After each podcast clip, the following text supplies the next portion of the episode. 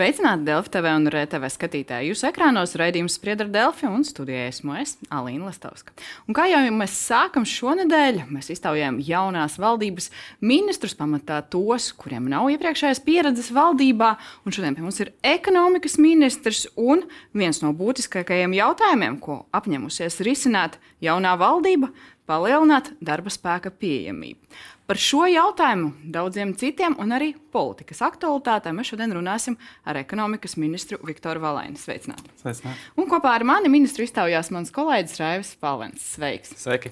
Bet pirms mēs ejam tīri pie tādiem ekonomikas ministrijas jautājumiem, sāksim ar tādu koalīcijas sadarbību.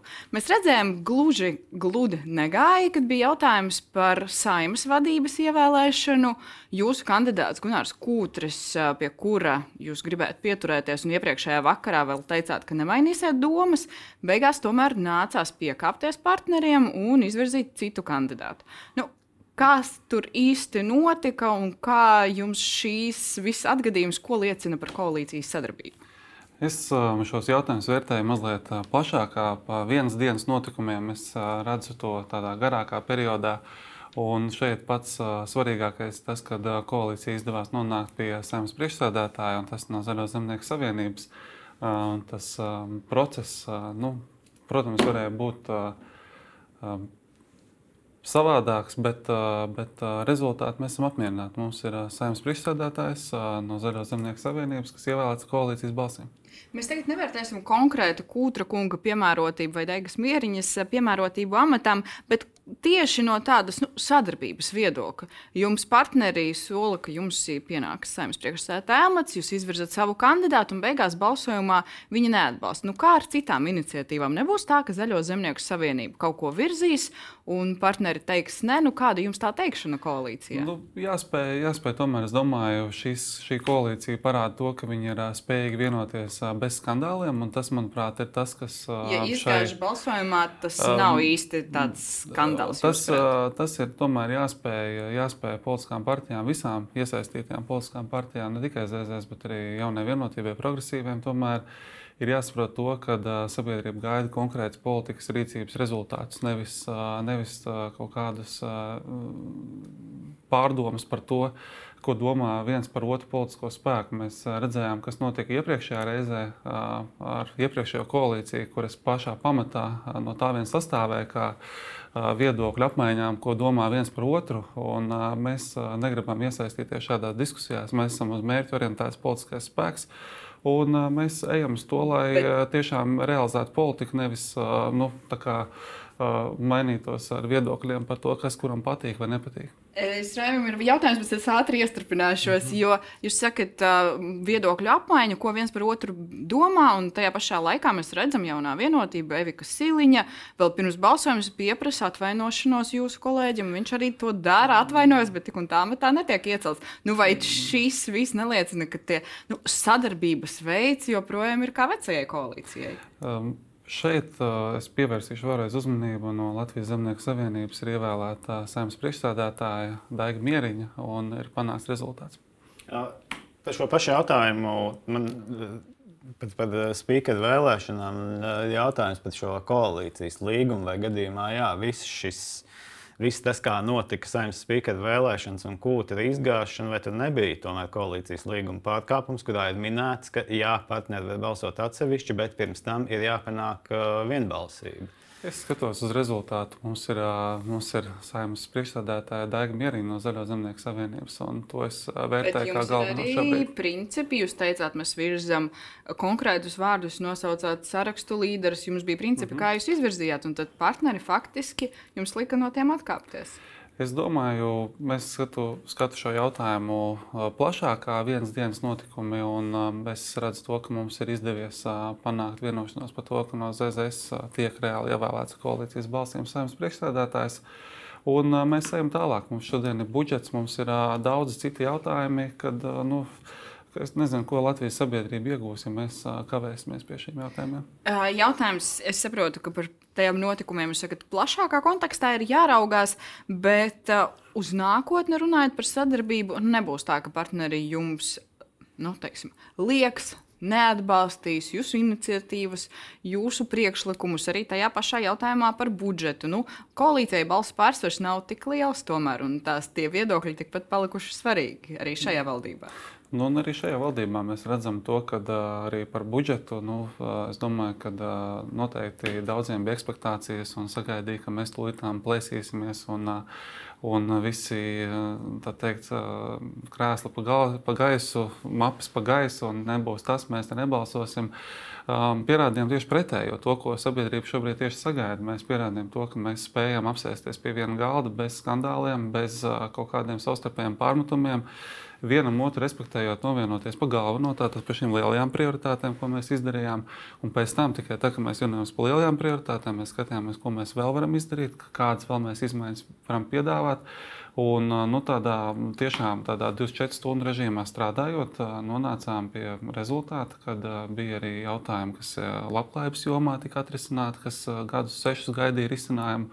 Bija jautājumi, kas zemkopības jomā vēl vakardien nevalstisko pārstāvju vadība tā neticīgi vērsās pret esošo zemkopības ministru, kas nu te būs, bet dažu stundu laikā jau ieguva atbildi, ka būs tieši tas, kam ir jābūt. Kā, un, nu, un, faktiski tas, ko jūs sakat, es gan atgādināšu, ka budžets vēl jāpieņem saimā, Protams. un tur plašākās diskusijas arī parasti notiek, līdz ar to saplēsties un mētāt pa gaisu mapes vēl būs iespēja. Bet uh, nu, tad jūs sakat, ka tie priekšlikumi, ko jūs virzīsiet, nav tā, ka koalīcijā, kā jums teiks, pārējie partneri tā darīsiet, arī jums būs teikšana un arī atbalsts jūsu iniciatīvām? Nu šeit nevar būt tāds, ka ir kādam kaut kāda, kaut vienam partnerim būtu kaut kāda dominējošā loma. Uh, visi partneri ir vienlīdzīgi šādā koalīcijā. Katrs no iesaistītajiem kolēģiem ir jārespektē viņa viedoklis un jāskatās, kādā tas... veidā var meklēt kompromisus.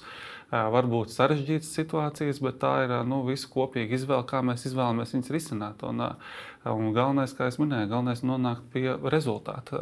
Sabiedrībai, manuprāt, kopumā nu, šīs politiskās intrigas un viss tas, kas notiek aiz slēgtām durvīm, manuprāt, ir nogurums no tā visa. Tas ir bijis pārāk daudz, un es esmu ieinteresēts to ne tikai koalīcijā, lai šīs intrigas būtu mazāk, bet lai arī notiktu cieša sadarbība ar saimnes opozīciju, un mēs kopīgi varētu pacīkstēties par tām idejām, nu, ko mēs darām ar darba spēku politiku, ko mēs darām ar nodarbinātību, ko mēs darām ar ekonomisko izaugsmu. Nu, man, es esmu atvērts šīm, šīm diskusijām, meklēt labākos risinājumus, un es tā, šādu politiku arī piekopšu. Es piekrītu, ka par intrigām ir taisnība, bet jautājums jau ir par to, cik caurredzami tiek pieņemti lēmumi un kādēļ tieši šādi lēmumi tiek pieņemti. Tas ir galvenais iemesls, nu, kāpēc mēs vispār diskutējam un par to runājām. Bet, ja jau mēs par to sākām runāt par darba spēku un tad iesim pie jūsu darba, Kā valdība apstiprināja 15. septembrī, nu, cik tālu birojs ir noklāpts vai nē, un vai darbi jau ir iekustējušies? Um, darbi ir iekustējušies. Es domāju, lielākie darbi, uh, ko šobrīd sabiedrība varēs vērtēt, tas ir valsts budžets, ko vakardien jau šīs prioritārās jomas mēs sadalījām ļoti ātrā laikā. Manuprāt, divu nedēļu laikā burtiski tā bija otrā valdības sēde, kad jau pat divas nedēļas nepagāja, kad mēs jau bijām tikuši galā ar šo izaicinājumu um, kas, manuprāt, ir svarīgs signāls ikvienam, kas, kas vēro šos politiskos procesus, lai noņemtu jebkādas šaubas par valdības stabilitāti un spēju pieņemt svarīgus lēmumus. Budžets, manuprāt, pārsniedz tās expectācijas, ko varbūt. Kāds no malas teikt, kritiski vērtē, vai šai valdībai izdosies. Bet, kā jau minēju, mēs ne tikai atrisinājām jautājumus kas bija uzņemtās saistības, tātad nu, drošības jomā uzņemtās saistības, kur mēs visi saimnieki nobalsojām, virziens saglabāts, visa šī trepa tiek ievērota. Veselības jomā 12% no budžeta. Tas bija tas, ko iepriekšējā valdība neizdevās izdarīt budžetu pieņemot pat ar trīs mēnešu darbu, cik viņi tur strādāja. Toreiz jau es neatceros, bet nu, ārkārtīgi ilgi darbojās. Bet nenonāca pie tā rezultāta. Mēs ļoti strauji nonākam pie šī rezultāta. 12% veselības, jom, veselības jomai garantētais finansējums budžetā 207, mil, 275 miljonu klāt veselības nozares budžetam, kas iedod nu, tādu nu, drošības sajūtu, bet ar atsauci, ka tā ir, ja vajadzēs gada laikā pastīsimies, ja būs problēmas, pieliek, pieliksim vēl klāt. Protams, iekšējā, iekšējā darba uzlabošana un uh, viss tas, kas attiecās uz reformām, iekšā veselības nozares, tas nekas nekur nepaliek. Tas viss ir darba procesā. Amerikas kungs to varēs darīt. Bet, Bet, bet, tas, ko jūs sakat, ir izdarīts jau panākts jau, jūsuprāt, ļoti daudz. Būtiski es minēšu, piemēram, to pašu izglītību. Jā, ZZS nāca ar uzstādījumu, vēl uz vēlēšanām nāca uzstādījumu ne tikai, ka mums ir jāizpild prasības ar līdzdu, kas iepriekšējā budžetā jūs redzējāt, kā tas viss notikās. Mums bija pāris, tū, vairāk tūkstoši cilvēku domu laukumā. Šobrīd es redzu to, ka šīs prasības tiek izpildītas, bet papildus tam mēs redzam būtisku naudas pielikumu klāt mācību materiāliem, par ko kas politiskajās diskusijās bija nu, tāds otrās kārtas jautājums. Tam netika pievērsta uzmanība. Šobrīd mēs budžetā redzam vairāk miljonu piešķīrumu mācību materiāliem, lai pedagogi varētu gatavot uh, skolēnus nodarboties to, kas viņiem jādara. Jūsu nozares, piemēram, Jā. Latvijas televīzijas raidījumā Rīta panorāma darba devēja konfederācijas vadītājs Andris Bita jau ir kritizējis nedaudz šo budžetu. Viņš saka, ka atkal tiek runāts par budžeta sadali, nevis iespējami nopelnīt. Ko es jūs domāju, atbildētu? ka mums būs iespēja vēl Bitas kungu pārliecināt par to, ka šis budžets tomēr ir labāks nekā domāju, uzņēmēji no to, to ir gaidījuši. Jo um, šajā budžetā es pieļauju, ka vēl ne visi ir iepazinušies ar to un tiek pievērsta liela uzmanība šai skaitliskajai sadaļai, bet es kā ekonomikas ministrs daudz lielāku uzmanību vēlos pievērst uh, nodokļu sadaļai, kas ir šajā budžetā un tieši šo atvieglojumu, nodokļu atvieglojumu ziņā. Un te būtiskākais, tas, kas attiecās uz uzņēmējiem. Es domāju, mikro uzņēmumu nodokļu izmaiņas, ka tiek noņemta šī 40% daļa, kas ir no apgrozījuma virs 25,000 būs motivējošs instruments maziem vidējiem uzņēmējiem pāriet šajā nodokļu režīmā, un mēs redzēsim, šajā, un tas ir atvieglos nodokļu režīms. Papildus tam mēs nākam klāt, pieliekam ar to, ka tiem, kas darbojas šajā režīmā, būs neapliekamais minimums tātad apgādībā esošām personām. Tas ir būtisks uzlabojums mikro uzņēmumu nodokļu režīmā strādājušiem. Protams, tur vēl daudz jādara. Mēs pa gadu strādāsim pie normatīvu regulējuma, bet mēs varam iet tālāk. Mums ir darba devējiem iespēja atbrīvot no IN maksājumu tātad augstākā izglītībā, ja cilvēks sūta mācīties, produktivitāti uzlabot. Visas šīs lietas, un es vēl varu turpināt, tur ir PVN reģistrācijas palielināšana no 40 līdz 50 tūkstoši visas šīs mazās lietas veidos to uzņēmēju darbības vidi. Un, un, un te jāskatās plašāk nekā tikai budžeta cipari. Ir jāskatās, un šīs visas lietas, ko es tikko minēju, viņas jau nāk no pašiem uzņēmējiem. Tas nav tā, ka mēs izdomājam to. Tās ir uzņēmējiem, ko mēs esam panākuši. Uzņēmuma nodokli, Jā. un Latvijā ļoti plašas diskusijas ilgu laiku ir par nodokļu režīmiem tieši mazajiem uzņēmējiem, kā to vajag pārveidot vai nevajag pārveidot valdībai bija ļoti daudz dažādu priekšlikumu, kā to visu vienkāršot. Arī iepriekšējā valdība ir strādājusi pie nodokļu reformas, nu, un tur bija arī dažādas ieceres. Nu, tā nodokļu reforma, acīm redzot, īstenot īsti netiks, ņemot vērā to, ka valdība ir mainījusies, bet vispār režīms mazajiem uzņēmējiem. Jūsuprāt, mēs paliekam pie mikro uzņēmuma nodokļa, vēl citām formām, un to Mēģinam vēl kaut kā sakārtot. Te ir jāsaka, ka nodokļi, neviens nesaka, ka nodokļi netiks mainīti. Nodokļu darba grupa un visas uzņēmēju organizācijas, kas nākuši priekšlikumā, tā skaitā ministrijas.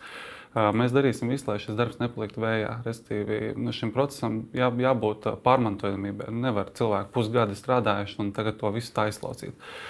Es, mēs ar finanšu ministru mums ir vienošanās, ka šī darba grupa tuvākā laikā, tas ir tuvāko divu nedēļu laikā, viņi sāks atsākt savu darbu. Uh, Mēs nofiksēsim to situāciju un kāda viņa ir šodien, bet nodokļi šobrīd netiek mainīti ne jau tāpēc, ka kāds to negrib darīt. Ir diezgan augsta inflācija vēl joprojām, un to jau arī mums finanšu ministrs paudis, ka tas ir neprāts mainīt pie tik augstas inflācijas. Mums jādarbojas es... ar citiem instrumentiem, kas palīdz mūsu ekonomikai. Un tie instrumenti mums ir. Mazināšanu jā. mēs vēl parunāsim, bet atgriežoties pie nodokļu sistēmas, nu, jūs sakat, būs darba grupa, strādāsiet no jūsu, no ekonomikas ministra perspektīvas, tie galvenās prioritātes attiecībā uz nodokļiem un izmaiņām tad būtu.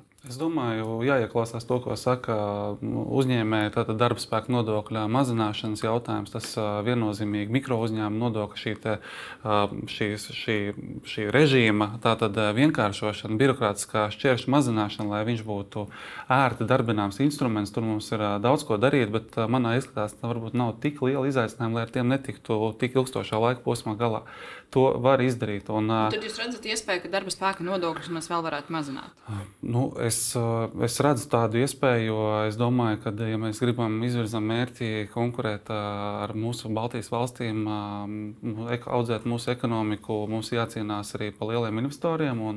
Šiem investoriem šie skaitļi viņi, viņus vērtē, kāds ir darba spēka sloks. Un, Un es, mēs, protams, ne tikai nodokļu politiku to darīsim. Es rosināšu, ka tiek veidota lielo projektu darba grupa, kur tad valdības ministri individuāli iesaistītos, personīgi iesaistītos lielo projektu vērtēšanā.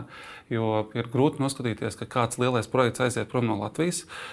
Tie projekti, kas jau ir 100 miljonu investīcijām, kā, tur jābūt personīgām ministru iesaistēm, viņas vērtējot, nodrošinot tālāko šo te Lai mēs padotības iestāžu darbu un risinām arī jautājumu par darba spēka nodokļus, nodokļiem, daudz to esam dzirdējuši, tad ne nākamgad ņemot vērā inflāciju, bet vēlāk tad mazināsim.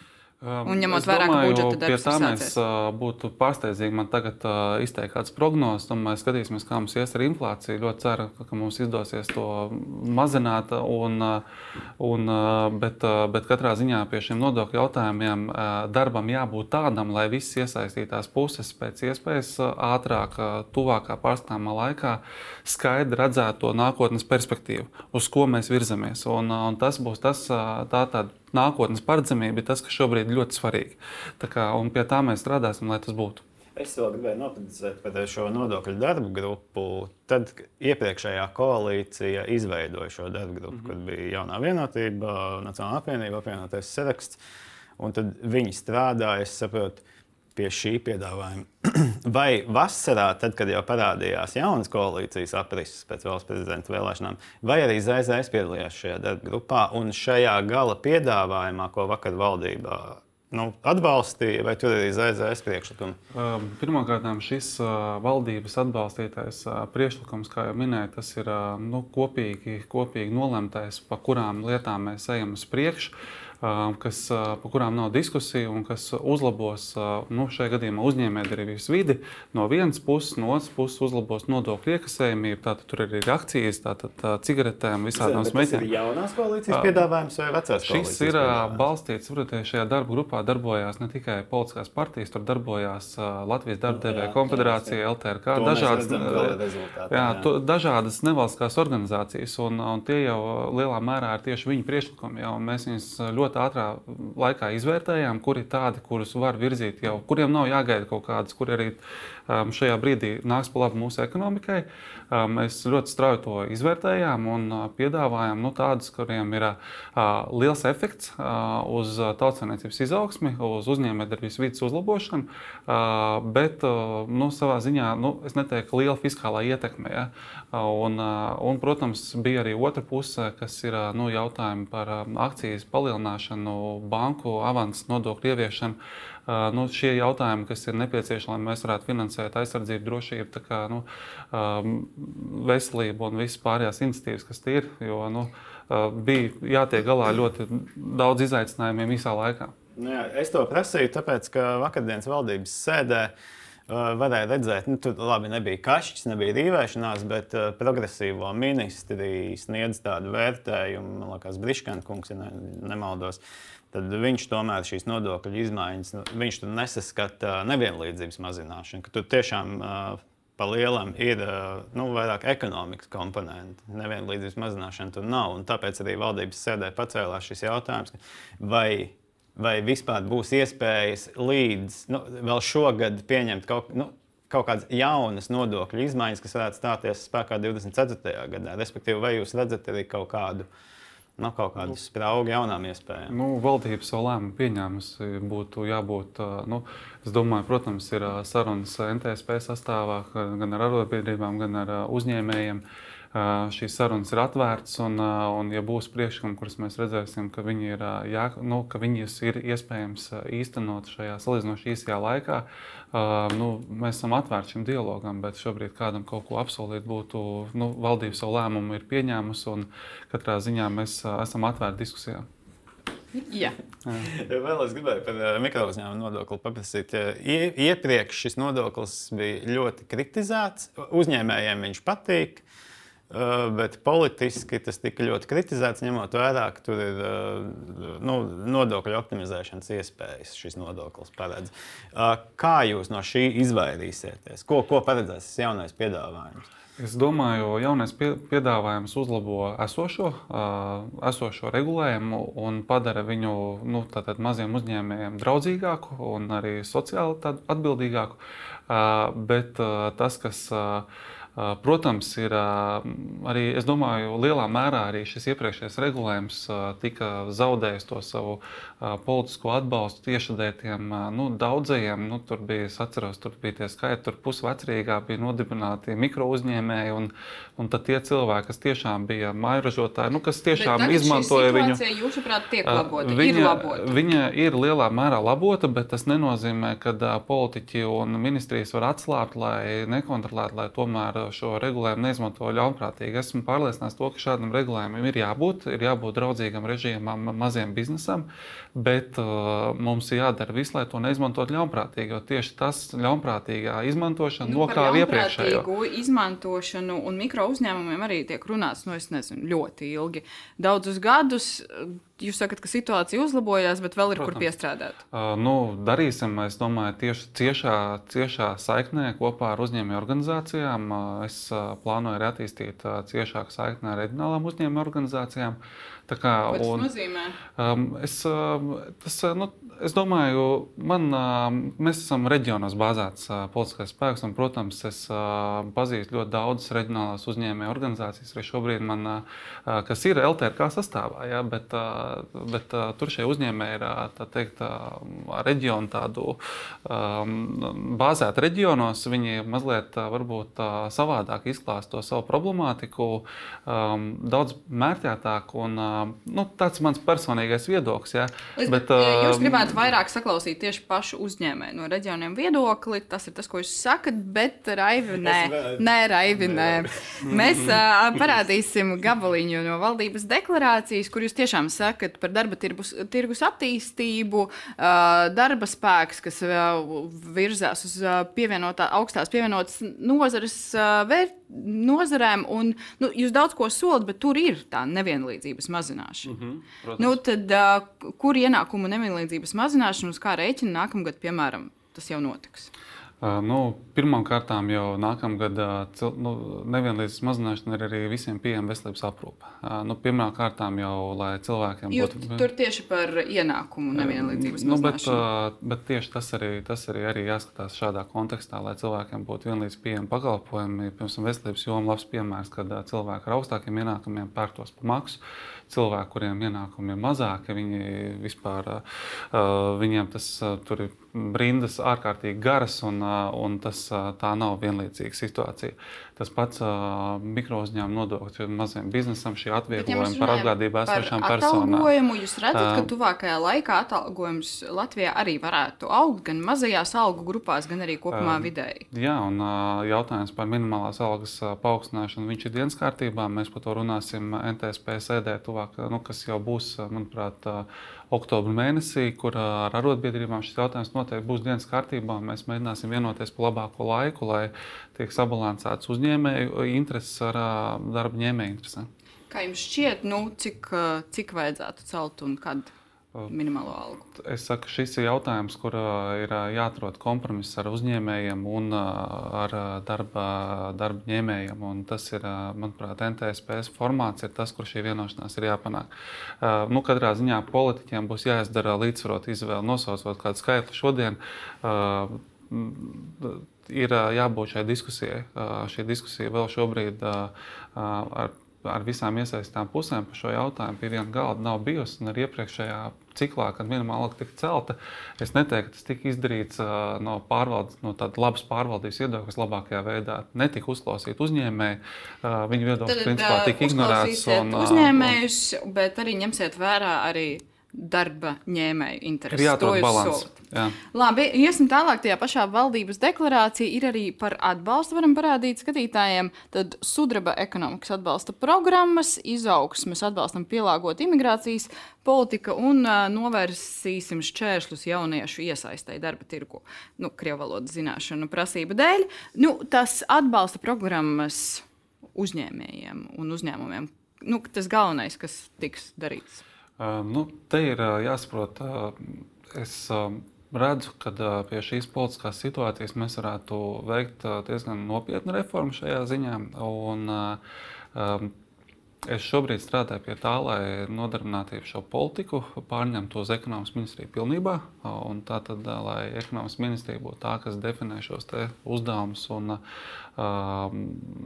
jo šie resursi, tas nav vairs arī labklājības ministrijas pārziņā, bet pilnībā resursi. Jums. Pārkvalifikācijai, resursi apmācībām ir gan daudz no struktūra fondiem, un tā ārējais finansējums tiek atjaunošanās fonds. Tur ir gana daudz resursu. Jautājums, vai mēs spējam viņus izmantot tā, lai tas dotu mums pēc iespējas lielāku ekonomiskās izaugsmes potenciālu, eksporta spējas veicināšanu. Un, un tieši no šāda kritērija man gribētu šiem jautājumiem turpmāk skatīties, lai tas dod mūsu ekonomikai tādu ilgspēju un izaugsmas, tieši eksportam izaugsmas potenciālu. Tas ir diezgan vispārīgi, un, konkrēti un, tas nozīmētu.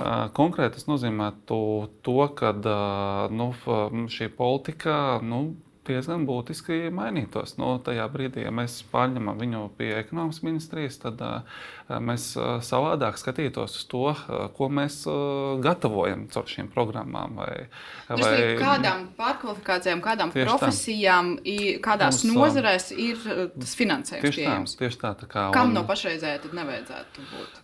Es nekomentēšu to pagaidām. Jā, tā kā, tad bet, pārņemsiet bet, un tad mainīsiet. Man ir diezgan kritisks viedoklis šobrīd par šo visu Jūs saglabāsiet to, man liekas, Sindriksons laikā ieviesto šo darba grupu vai kāda cilvēka kapitāla darba grupa, kad darbojās uh, trīs, trīs ministrijā, jā, jā. ekonomikas, izēm, tas uh, labklājības. Tas ir šī, šī, šī mana koncepta sastāvā. Šai grupai ir jāturpina strādāt, viņi nedrīkst uh, nestrādāt. Jā. Bet uh, es gribētu teikt, galveno lomu, uh, lai tomēr uzņemās ekonomikas ministrija šajā visā cilvēka, cilvēka kapitāla. Uh, jautājumos. Šobrīd ekonomikas ministrija strādā jau pie cilvēka kapitāla šīs attīstības stratēģijas. Un, un, un par to ieviešanu, es domāju, to ieviest varētu tikai un vienīgi efektīvi tad, ja mēs atrodam, nu, ja mums ir pietiekami instrumenti to izdarīt. Mhm. Ja mēs vēl runājam par budžetu un tām atbalsta programmām, es saprotu, tev bija jautājums par to konkrētu līdzekļu novirzīšanu, kas ir plānoti uh, uh, budžetā, par ko mēs runājam, kur uzņēmējiem un startupiem. Jā. Jā, startupiem, jā. Tur ir diezgan liela summa, un mm -hmm. vai jums jau ir skaidrs, nu, konkrēti, ko tas nozīmēs un kam tas tiks novirzīts? Um, startupiem mēs uh, diezgan ambiciozi mēs dubultojam atbalstu salīdzinājumā ar iepriekšējo gadu. Tātad uh, šai ekovidē. Nu, tā bija, man liekas, tā viņa prasītā summa jau pagājušajā gadā. Viņi um, gribēja 400 tūkstoši, un, un viņiem iedeva 200, un tagad vienkārši jūs šogad uh, mēs jau startā dodam viņiem 400. Es, uh, es ticu šim, uh, mēs nevaram. Uh, domāt, ja mēs nu, par mūsu ekonomisko attīstību, ja mēs neieguldamies šajā jaunu uzņēmumu attīstībā, jaunu uzņēmumu attīstībai ir ļoti milzīga pievienotā vērtība. Ja mums izdodas sasniegt kādam jaunu uzņēmumu, kas rezultāts mēs visi varam skatīties uz šiem vienreģiem un priecāties visur apkārt, priecāties arī par mūsu bet nu, kaut kur viņi radās. Un, un šī ekovide ir jāveido. Jā, kā, un, mēs redzam to, kā mūsu kaimiņu valsts, Igaunija, labs piemērs, kā viņi cīnās par to, lai pie viņiem būtu.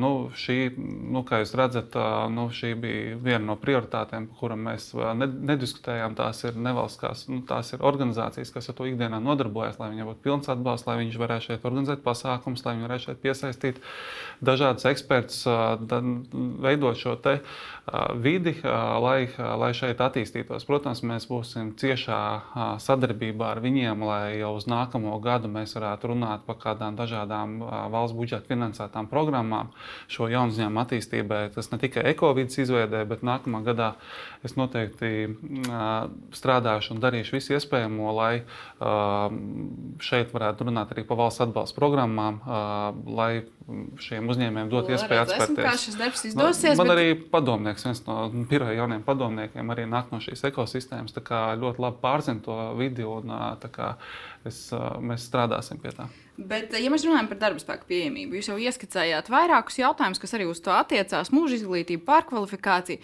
bet kopumā lielos vilcienos daudz runājām, bija liels strīdus avots iepriekšējā valdībā. Runa bija arī par migrācijas politiku. Nu, trīs galvenie soļi, kas ir jāspēr, lai mums ir pieejams darba spēks uzņēmējiem?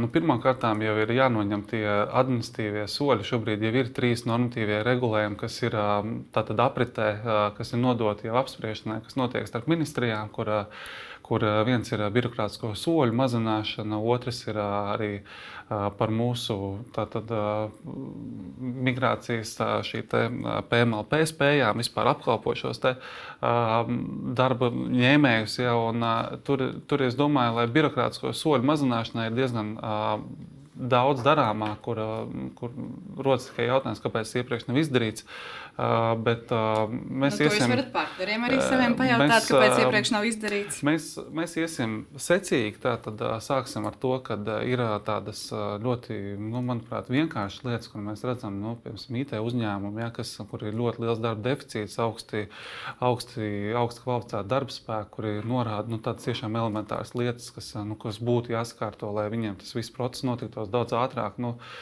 ir grūti izskaidrot. Lietuvā tas notiek pāris nedēļu laikā, mums tie mēneši, ja, um, citreiz pat vairāk kā pusgads. Ja. Tāpat arī augstākā izglītībā, es domāju, mums jābūt atvērtiem sarunai par to, lai absolvents, kas šeit Latvijā beidz universitātes, lai arī viņiem uh, dot šīs darba iespējas un uh, pielieto šīs zināšanas arī uh, vietējā Bet tirgu. Tas viss izskatās pēc tādiem nu, lielā mērā ilgtermiņa pasākumiem. Um, īstermiņā, bet, kā mēs risināsim šo problēmu? Īstermiņā attiecībā uz, uz atsevišķām jomām, kur darbspēks nepieciešams, tā būs tieši saruna ar pašām arī ar nevalstiskām organizācijām, ar uzņēmēju pārstāvjiem, kuri, no kuriem kopā jānodefinē šobrīd tā vajadzība.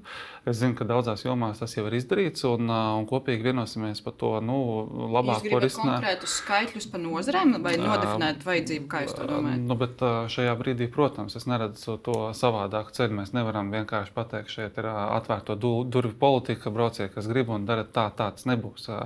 Tur ir jānodefinē ļoti skaidri ne tikai tie, tā vajadzība, bet arī kontrols mehānismi, lai šie jautājumi tikt, būtu kontrolēti. Tā milzīgā problēma šobrīd ir tā, ka mēs esam teikt, aizvērto durvju politikā, un šie cilvēki šeit ielaužās caur logu.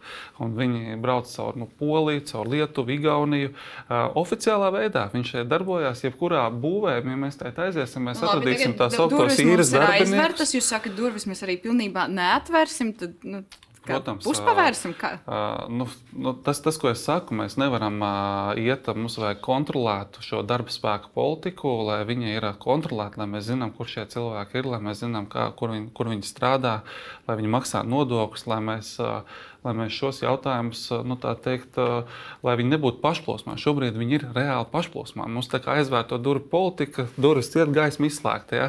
It kā te neviena šajā telpā vairāk nav. Patiesībā viņu ir, viņi ir tūkstošiem. Neviens nevar pateikt, cik tūkstoši viņi ir nodokļus. Viņi šeit nemaksā, viņi maksā citās tulīt, valstīs. Un, un mēs šo, nu, tas ir, tas ir jāatrisina. Viņu tur tas nu, nevar gaidīt. Jāizdara, to mēs zinām. Jā, tieši tā.